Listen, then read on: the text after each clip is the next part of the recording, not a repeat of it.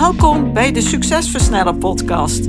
Mijn naam is Antoinette Nunes en met deze podcast help ik gedreven ondernemers om snelle, betere keuzes te maken voor bedrijfsgroei met meer vrijheid.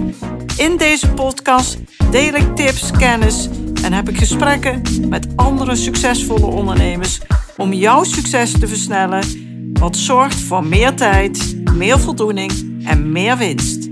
Let's go! Vandaag is Frank Sandering te gast in de Succesversneller podcast.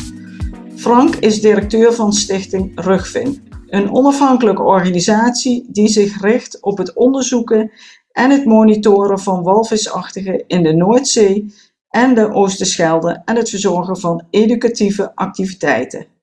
Naast het directeurschap van Stichting Rugvin kan Frank als ZZP'er worden ingehuurd voor het doen van onderzoek naar walvisachtigen het organiseren en geven van workshops, trainingen, lezingen enzovoort, maar ook het organiseren van reizen naar walvisgebieden en het schrijven van wetenschappelijke artikelen.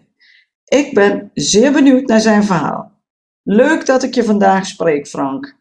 Kan jij mij wat meer vertellen over je achtergrond en waarom je in 2017, sorry, 2007 al de stichting Rugvin hebt opgericht? Uh, ja, dat wil ik jou graag vertellen, Antoinette. Um, ja, ik ben eigenlijk tropisch bosbouwer van achtergrond. Uh, dus dat zou je niet direct dan verwachten als je met walvissen bezig bent op de oceaan en in de zee. Uh, maar dat heeft alles te maken met mijn voorliefde voor grote zoogdieren. En ook als bosbouwer is dat, heeft dat een bruggetje nodig. Ik ben niet uh, degene geweest die het interessant vond om zoveel mogelijk kuub hout uit een bos te halen, maar vooral geïnteresseerd in het ecosysteem van uh, met name tropische regenwouden. Hoe werkt dat? Etcetera. Dat heeft uiteindelijk geleid uh, dat ook in mijn studie bosbouw in Wageningen ik in de jaren van walvisjacht jaren tachtig me heb aangesloten bij de Greenpeace uh, kerngroep in Wageningen. Later ook in het actieteam ben geweest. En nou, daar werd ik van alle kanten al geïnformeerd over walvissen, walvisachtigen. En daar heeft ook nou, uiteindelijk de affiniteit met die dieren, met een tussenpauze zeg maar, voor gezorgd dat ik dat later uh, ja, via rugvin uh, weer uh, veel meer body heb gegeven. Ja. En dat was een, een kort uitstapje naar Schotland voor nodig. Uh, toen werkte ik al bij ARK Natuurontwikkeling. Toen was ik bezig uh, met natuurherstel, met name in Oost-Europa. Uitzetten van, uh, van wiescenten, edelherten, het laten hermeanderen van, de, van riviertjes. maar dit uitstapje naar Schotland, naar de Moray Firth, een onderdeel van de Noordzee, dat bracht mij weer in contact met walvisachtigen. Met dwergvinvissen, bruinvissen, tuimelaars. En ik was daar heel erg enthousiast over geworden. En terug in Nederland ging ik kijken van wat gebeurt er in Nederland op dit vlak. Nou, buiten eh, toen, uh, inmiddels zijn die instituten ook wel wat veranderd. Ja, waren er vooral ja, instituten die voor de overheid onderzoek deden, maar nauwelijks publiek, aan publieksvoorlichting deden. En ja, ik kwam daar dus eigenlijk niet veel verder mee. En toen ben ik een paar jaar later naar Universiteit Leiden gegaan. En daar is eigenlijk het balletje gaan rollen toen ik uh, studenten Nienke Ozinga tegenkwam en haar docent Ruben Uele. En daaruit kwam het idee van, hey, laten we eens walvissen gaan monitoren op de Noordzee. En dat zijn jullie gaan doen? Dat zijn we gaan doen, ja. Uh, we hebben de stoute schoenen aangetrokken. En we hebben de Stena Line een brief gestuurd uh, met de vraag van, nou, zien jullie wel eens aan boord vanaf de brug walvisachtige, bruinvissen, dolfijnen? En zo ja, zouden we dan uh, eens een keer mee kunnen uh, om dat zelf te zien. Ja. Nou, dat heeft geleid in 2005 al, toen waren we nog geen stichting, maar toen begon het eigenlijk met het afstudeeronderzoek van Van Nienke, met wie ik samen in 2007 dan Stichting Rugvin heb opgericht. Ja, ja tot uh, ja, het monitoren op de Noordzee. En dat doen we nog steeds. En wat is het doel om uh, die walvissen te monitoren? Wat bereiken jullie daarmee? Uh, nou, ik moet eerlijk zeggen dat in 2005 het doel vooral was het onderzoek van, van Nienke. Uh, toen zagen we dat vooral nog als nou, een eenmalig en wie weet komt er nog wat meer uit. Nou, uh, we wisten niet waar ons dat echt zou brengen. Uh, twee jaar later hadden we zoiets van ja, dit is eigenlijk best wel succesvol. we zagen geregeld wat, we konden erover schrijven. nou, Nienke had daar een, een afstudeeronderzoek in gedaan. En we hadden zoiets, er valt veel meer te halen. Ook qua uh, publieksvoorlichting naar, uh, naar de, de, mensen die daar wat meer over wilden weten. Uh, nou, en ja, dat heeft geleid dat, dat wij uiteindelijk stap voor stap voor stap ehm, meer zijn gaan nadenken over van wat willen we, wat kunnen we. Ja. We waren natuurlijk ja, nog steeds uh, op dat moment een, een 100% vrijwilligersorganisatie. Dus je kon wel allerlei uh, zeer ambitieuze plannen hebben, maar uh, om dat allemaal naast je baan te doen, dat, dat viel eigenlijk niet altijd mee. Dus ambitie was beperkt op dat moment. Ja, en op een gegeven moment, toen heb jij ook je eigen baan opgezegd, weet ik. Ja. Toen ben je echt fulltime voor de stichting gaan werken. Want ja, 2007, zeg maar, de oprichting al iets eerder begonnen met inderdaad het spotten van de walvissen of walvisachtige uh, bij ons rondom Nederland, zeg maar. Uh, en, en, en nu, anno 2022, zijn we natuurlijk heel veel jaartjes verder. Ehm, wat, wat hebben jullie bereikt de afgelopen jaren? Eh, ja, best wel veel. Uh, tot onze verbazing, of nou ja, verbazing, eigenlijk is het ook wel een leerschool voor ons en voor anderen. Van nou, als je gewoon voor iets gaat en uiteindelijk dan, dan uh, kom je vanzelf wel tot nou ja, wat, wat, wij dan ook wel noemen ja, onze eigen successen. En ja. soms kun je dat plannen, uh, maar soms gaat het ook, ja, hoe zeg je dat, niet bij toeval. Want ja, als je niks onderneemt, dan, dan gebeurt er ook niks. Um, maar wij kregen op een gegeven moment bijvoorbeeld te horen via via, er zitten bruinvissen. Onze eigen meest talrijke walvisachtige, ook in de Oosterschelde. Nou, dat was in, in 2007, denk ik dat dat was. Toen was er eigenlijk nog niets over bekend. Ik ben vorig jaar, of het jaar daarvoor, ben ik wat meer in de historie gaan duiken. Toen bleken ze rond de jaar, de eeuwwisseling, uh, bleken er alweer bruinvissen te zitten. Maar behalve een visser en een schipper uh, was eigenlijk daar niemand uh, van op de hoogte. Voordat je verder gaat, Frank, ja. bruinvissen. Ik denk dat heel veel luisteraars geen idee hebben wat dat precies is. Kan je kort iets toelichten wat een bruinvis is? Een bruinvis is een, een zoogdier, een zeezoogdier en eigenlijk een kleine walvis. En het, anderhalve meter zijn de mannetjes, 1,70 meter gemiddeld de vrouwtjes. Uh, ze lijken in eerste instantie veel op dolfijnen, maar taxonomisch gezien is, behoort het tot een aparte groep walvisachtige. Je hebt ook meerdere soorten bruinvissen. En okay. bij ons is de bruinvis de gewone bruinvis. Ja, en, en dat is de enige walvisachtige die bij ons rondzwemt, of zijn er ook nog meer? Nee, daar zijn er echt wel veel meer. In de Oosterschelde uh, is het eigenlijk de enige. Hoewel ieder jaar daar wel een andere walvisachtige naar binnen zwemt, uh, door de kering naar binnen. Uh, er is wel eens een keer een bultrug de Oosterschelde opgezwommen, een tuimelaar, een gewone dolfijn, spitsnuitdolfijnen.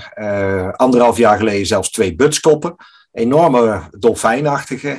die waren ook echt verdwaald. Dus er zit van alles, ook zelfs in de, in de Oosterschelde.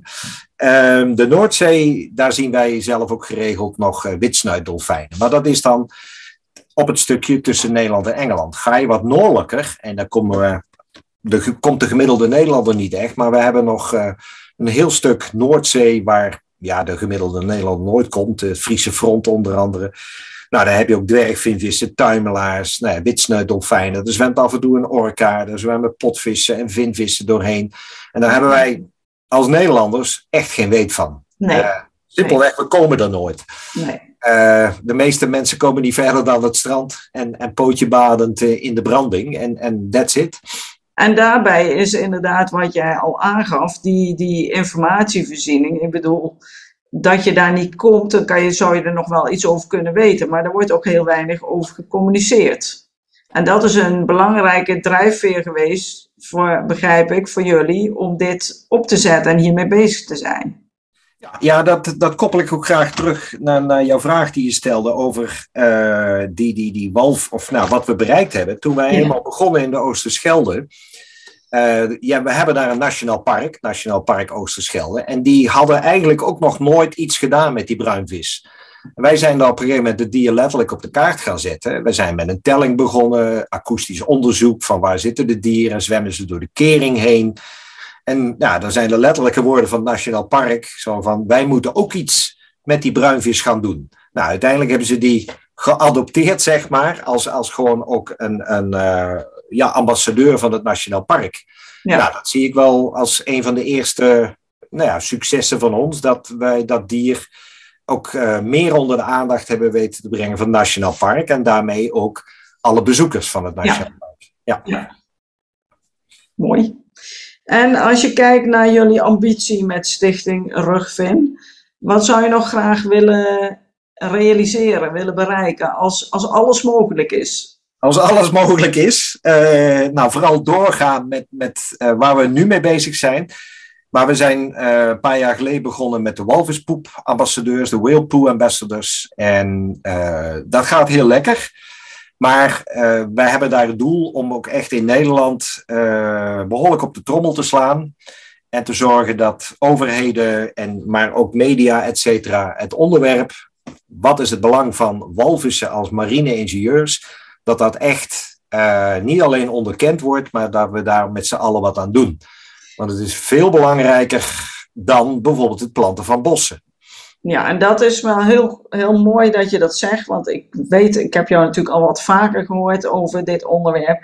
En ik denk dat heel veel mensen, waarvan ik er ook een was, geen idee hebben van wat die walvispoep nou van belang heeft en waarom dat belangrijk is. Dus ik denk dat het heel goed is om nu je podium te pakken en ons eerst eens uit te leggen, waar is, waarom is dit zo belangrijk? Um nou, iedereen die is zich inmiddels uh, na 40 jaar eigenlijk wel uh, bewust van, van klimaatverandering, om het maar zo te zeggen. Uh, dus het wordt onderkend en wereldwijd zijn we met allerlei projecten bezig. technisch gezien, er wordt nou, met allerlei centrales geprobeerd te reduceren op het gebied van CO2. Er zijn bossen aan het aanplanten, allemaal op zich prima initiatieven. Maar twee derde van onze planeet bestaat uit zee en oceaan. En ja. dat eigenlijk volledig buiten beschouwing gelaten. Terwijl uh, eh, 50% van de zuurstof die wij als mensen inademen, er wordt geproduceerd door het fytoplankton. Dat zijn de kleine algjes, wiertjes die aan het oppervlak van zeeën en oceanen groeien, bloeien, etc. Uh, maar ook het CO2-gas uh, eh, uit de atmosfeer via het zeewater omzetten in die zuurstof. En, en daarmee ook hun eigen groei, zeg maar. Ja, de, de gewone fotosynthese, die, die ook bij planten en bomen overal plaatsvindt. Ja. Um, maar 40% van de CO2 die wij met z'n allen produceren, wordt geabsorbeerd door het fytoplankton. En dat is eigenlijk veel meer dan alle bossen op, op, op de planeet. Ja. En wij laten dat eigenlijk ongemoeid. Wij laten eigenlijk de hoeveelheid fytoplankton zelfs nog afnemen. Uh, en ja, dat uh, is voor mij eigenlijk wel behoorlijk onbegrijpelijk. Ja, nou ik denk als, uh, zoals je het vertelt en zoals ik het nu ook begrijp, dan denk ik dat is ook onbegrijpelijk. Want ehm, natuurlijk moeten we ons bekommeren om de bossen die we hebben en de, de bomen, super belangrijk.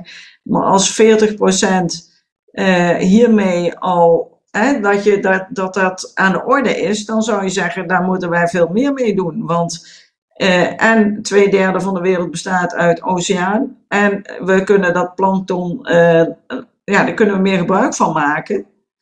Dan zou dat eigenlijk een logische stap zijn. Dat is ook een hele logische stap. En er zijn uh, zat wetenschappers en, die, die daar ook zich al twintig jaar in verdiepen. Um, maar het, wordt, ja, het is toch een beetje de, de, de, de verf van mijn bedshow om het maar zo te zeggen. Wij lopen daar ook wel tegenaan om daar in Nederland meer aandacht. Ja, het is uh, ja, iets van, van, van fytoplankton. Niemand ziet het ooit. Bomen ziet iedereen groeien. En als er een omvalt, worden we allemaal boos. Uh, ook wel terecht soms. Maar um, ja, het fytoplankton, dat is microscopisch klein. We zien het niet. We zien die absorptie van uh, CO2 niet. We zien de productie van zuurstof niet. Uh, ja, dat, dat maakt het onbekend en onbegrepen en ongeliefd. Ja, ja. Ja, en het is uh, ja, jouw doel en met de stichting denk ik ook wel om, om daar meer, zeg maar, niet meer de roepende in de woestijn te zijn, om het maar eens populair te zeggen, maar gewoon echt meer draagvlak voor te creëren, zodat we ja, dat beter kunnen benutten. Ja, ja, dan wil ik graag het, linkje met de walvissen maken. Want ja, wij zijn uh, natuurlijk geen fytoplanktonstichting, maar een, uh, een, een uh, kenniscentrum voor walvisachtigen. Um, en ja, ik moet eerlijk zeggen, vier jaar geleden had ik er zelf ook nog weinig weet van. Maar dan ga je op een gegeven moment artikelen lezen van Amerikaanse en Australische wetenschappers. En dan vallen de schellen van je ogen. En dan denk je, hè, hoe kan het dat we in Nederland het volgende nog niet weten? Ja. Walvissen zijn namelijk uh, de bemesters van dat fytoplankton. En zij zorgen voor minstens 15% van die bemesting. En voor een deel zit het al in de oceaan. Uh, wat ten goede komt aan die CO2-absorptie en de zuurstofproductie. Uh, het specifieke aan mest van uh, grote walvissen is dat het drijft. De, deze grote dieren, vinvissen, die kunnen tot meer dan 30 meter worden. Die kunnen onder water tot een bepaalde diepte ook niet eens hun ontlasting lozen. Dat kan vanwege de druk op hun lichaam niet. Dus die moeten naar boven, naar het oppervlak, waar ze ook om adem te halen natuurlijk komen. En daar kunnen zij dan uh, nou ja, zich van hun walvispoep ontdoen. Dat, omdat het lichter is dan water, drijft het naar boven toe. Ja. En dat is helemaal ideaal, want daar is, dat is ook de plek waar het fytoplankton aanwezig is, maar ook waar het zonlicht aanwezig is. Dus uh, ja, waar ga je een plant zetten? In de zon. Je, water is, in, is er natuurlijk genoeg in zee, maar ook waar voedingsstoffen zijn. Ja. Dat maakt walvispoep uitermate geschikt om uh, fytoplankton te bemesten. Uh, vandaar dat wij ons ook uh, met, met een, groep van, van Stichting Rugvin de walvispoep-ambassadeurs noemen. ook als prikkelende term. krijg geregeld vragen, walvispoep. want als je de walvisambassadeurs, ja, dan ben je een sympathieke groep. Dat, dat prikkelt niet echt, maar walvispoep, dat zagen wij van, nou ja, dat, dat, uh, dat is ook zo. Dan, dan word je daarna gevraagd, wat, wat bedoel je daarmee? En ja. dan kun je je verhaal kwijt vaak. Ja. Um, maar het is niet alleen de poep. Het is ook de pomp. Uh, walvissen, niet alle soorten, duiken diep naar beneden en brengen dan nutriënten van de zeebodem en andere lage water naar boven toe. Zie je het als fietsers uh, achter elkaar in het kielzog zitten, zo sleept eigenlijk een omhoog stijgende walvis weer allerlei nutriënten, voedingsdeeltjes mee naar boven.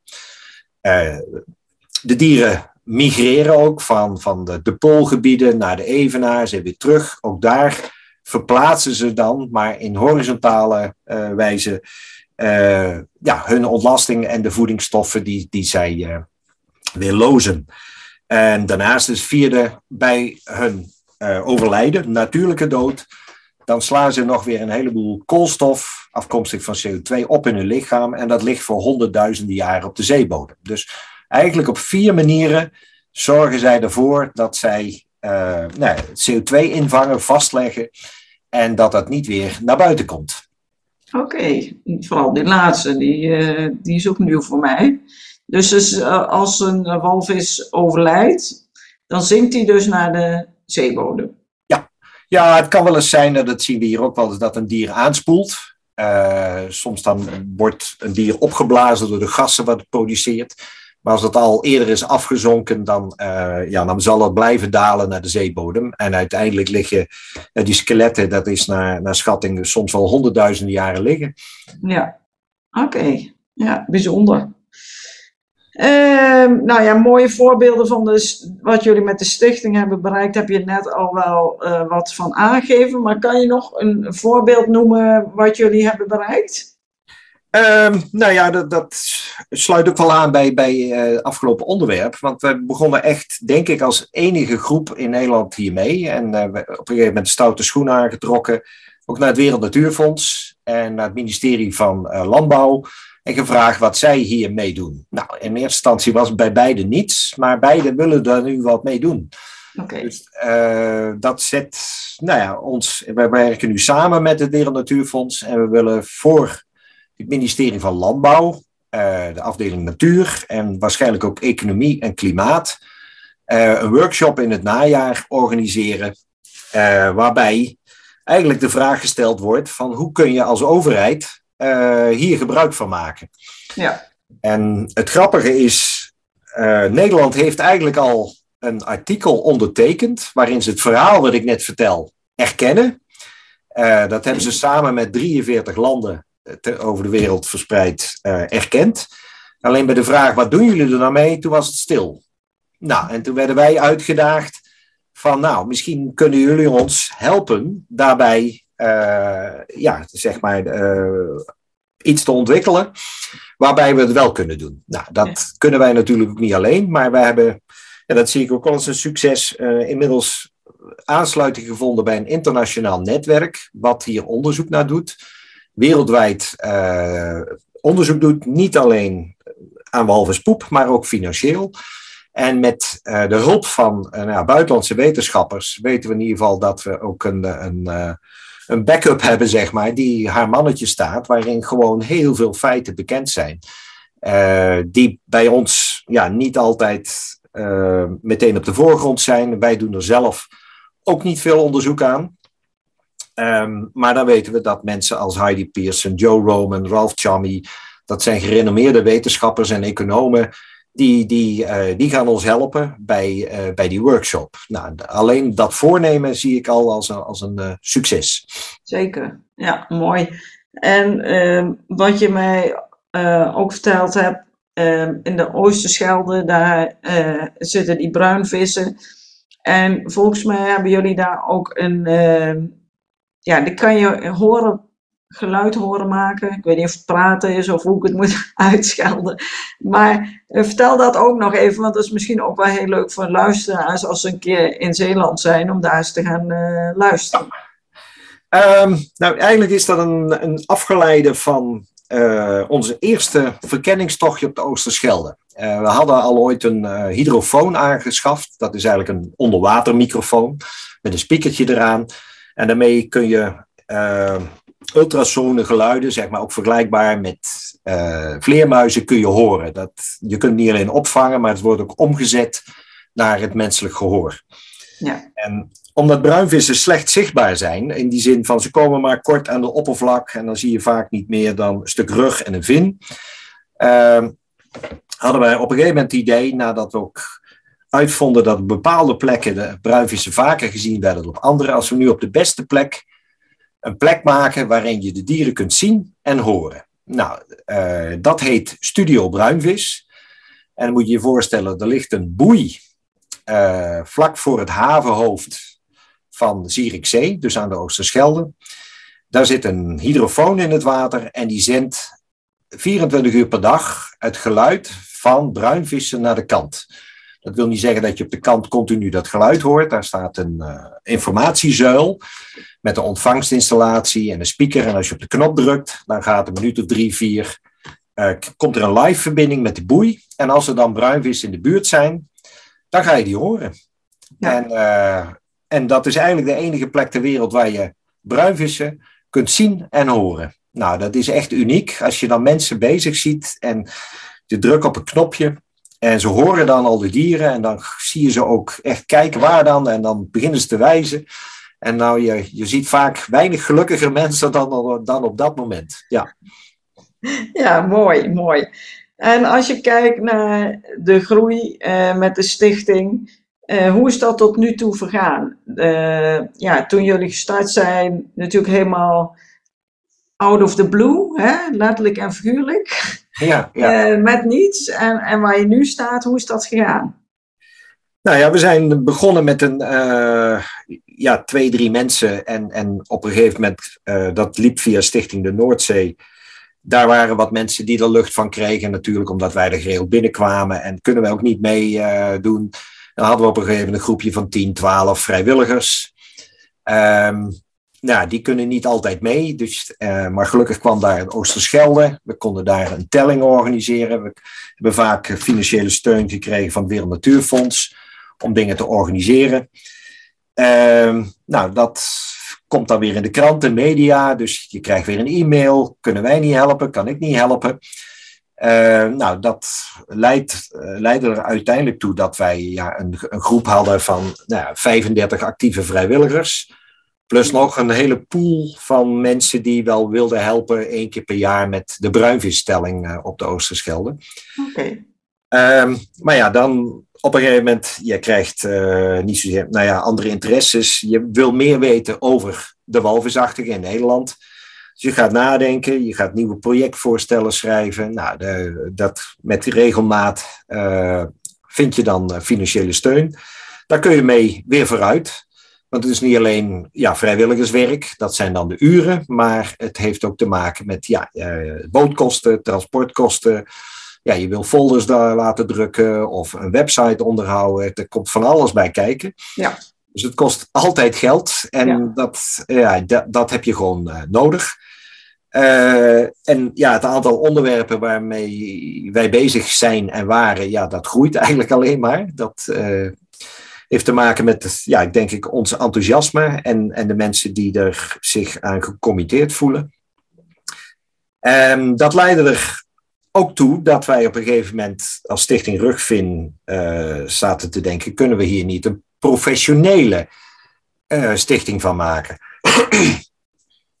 dat wil niet zeggen uh, dat wij ons amateuristisch vonden, maar vooral dus niet betaald werden. En ja. de, de financiën die kwamen vooral bezig, uh, binnen om, om nou ja, het werk mogelijk te maken, maar niemand bij ons werd betaald op welke manier dan ook. Vergoeding, onkostenvergoeding ja. of iets. Ja, kijk, om naar de Oosterschelde te rijden of een treinkaartje, daar, daar was op een gegeven moment geld voor.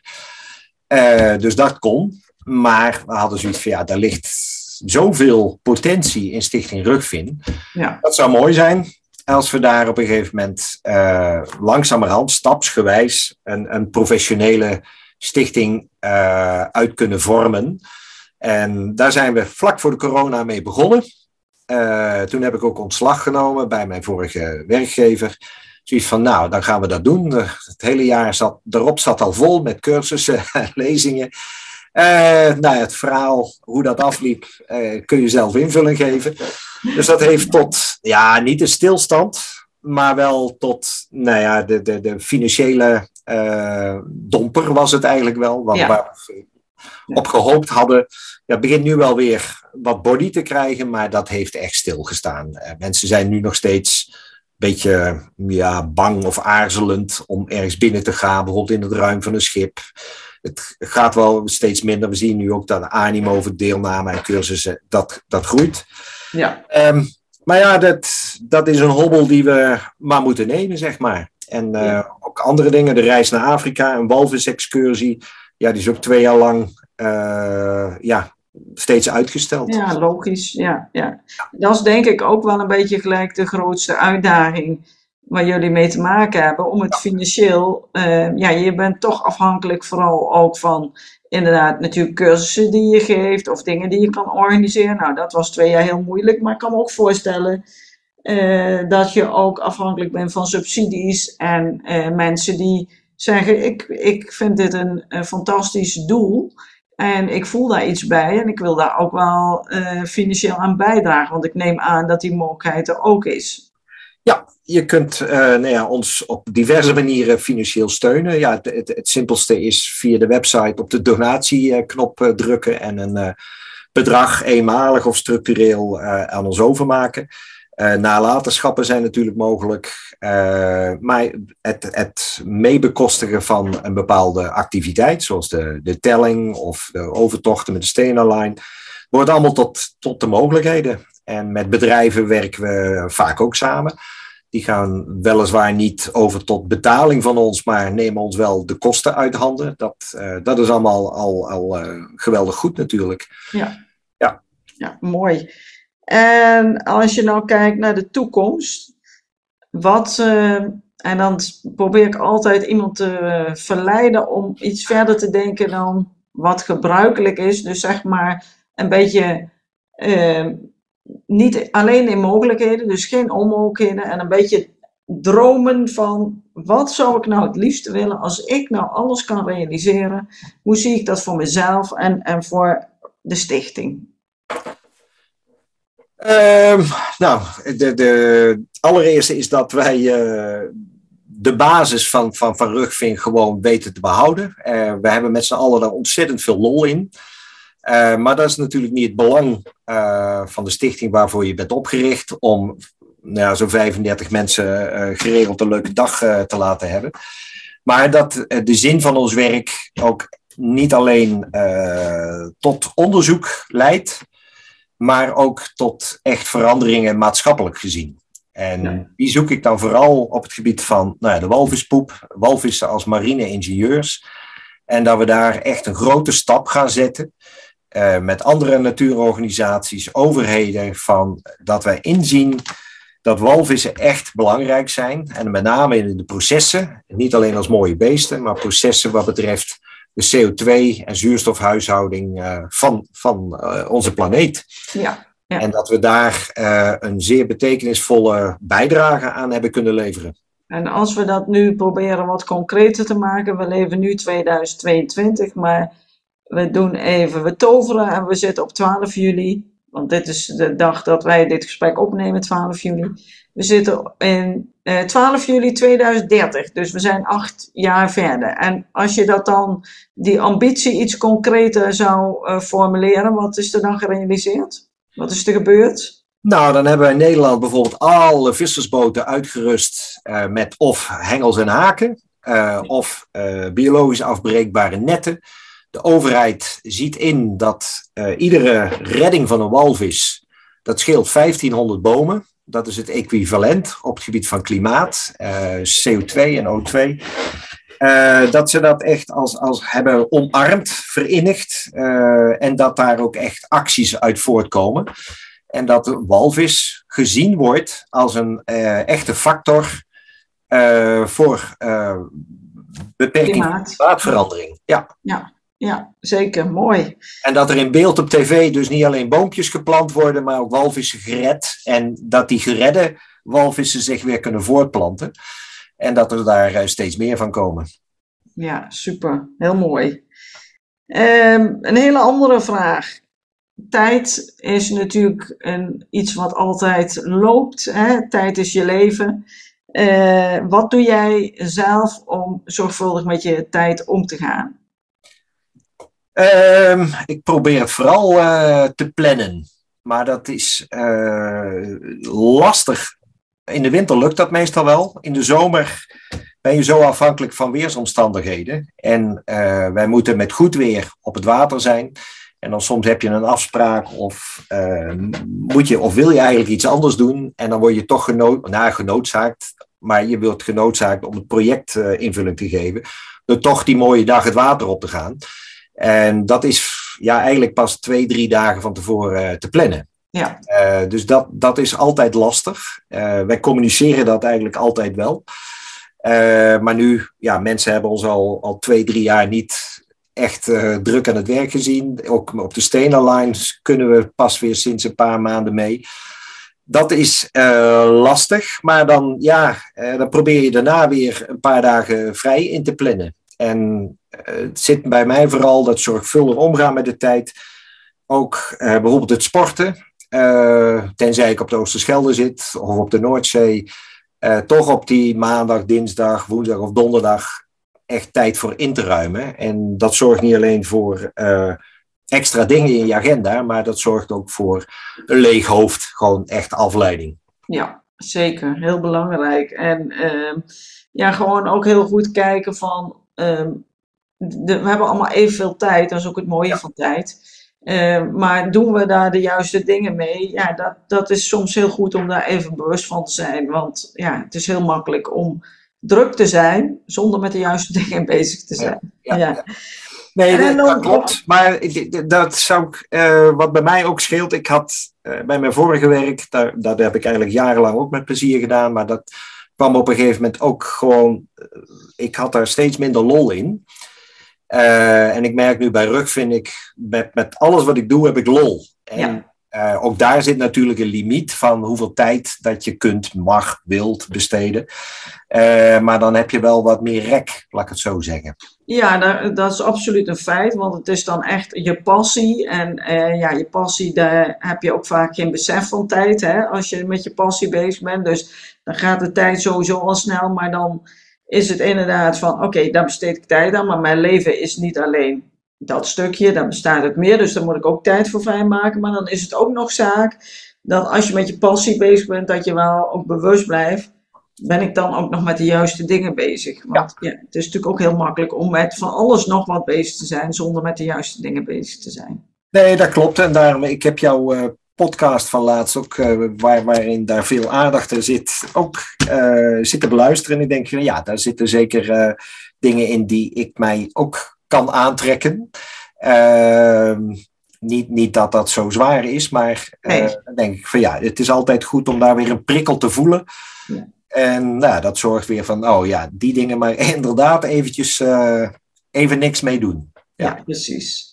Nou, en dan heb ik nog één vraag. De volgende stap om uh, de ambities die we al een beetje besproken hebben, om die te gaan bereiken. Wat staat er nu op je agenda dat je zegt van ja, dit is echt de volgende stap waar wij mee bezig zijn?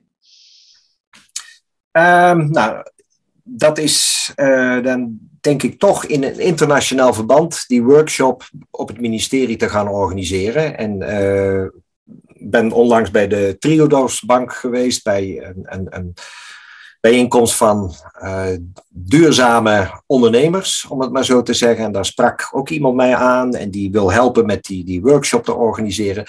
Dus dat, dat krijgt steeds meer en meer body. En ook bij, binnen het Wereld Natuurfonds. Dus ja, dat is, als wij dat tot een goed einde willen weten te bereiken, en dat zal ergens in het najaar zijn, er is nog geen datum voor, dan, uh, dan denk ik echt dat wij een grote stap hebben gezet in, in nou, noem het maar, het implementeren van uh, het walvis uh, poepbeleid in Nederland. Ja, super. Nou, super mooi. Dank je wel, Frank. Is er nog iets wat je, wat je nog niet gezegd hebt en nog graag wilt zeggen?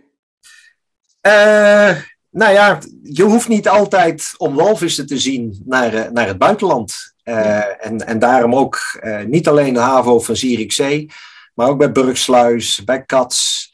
Ga een tijdje met een stoeltje of op een steen zitten en, en doe het wel bij wat rustig weer, dus niet bij windkracht 6, 7.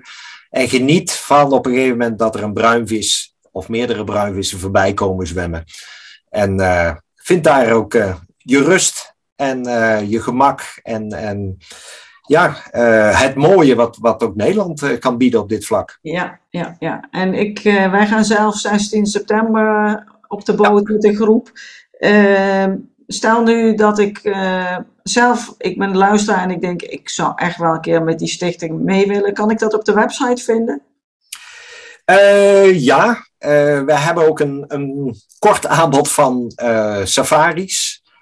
uh, safaris. maar dat zal niet eerder zijn dan 12 augustus. Dan is een boot uit Enkhuizen naar Zierikzee daar aanbeland. dus ik zou zeggen, kijk daarop en, en zie wat we daar bieden. En daarnaast hebben we in september in de weekenden eendaagse cursussen en tweedaagse cursussen. En dat zie je ook bij ons op de website. En dan duik je uh, figuurlijk gezien uh, met ons niet alleen de Oosterschelde in, we gaan ook op zoek naar die bruinvis van ons, maar ook leer je van alles over walvissen, de rol die ze spelen in, in, uh, op de planeet, het herkennen van de soorten. Dus daar, dat is iets wat, wat je zeker zou kunnen doen. Nou, helemaal top. Dankjewel, heel inspirerend verhaal. Zeker de moeite waard om vandaag in deze podcast te zijn. En ik wil je heel erg bedanken en heel veel succes wensen. En ja, leuk dat je je verhaal hebt gedaan, Frank. Ja, dankjewel Antoinette. En fijn dat je mij hebt uitgenodigd om een verhaal te doen. Super.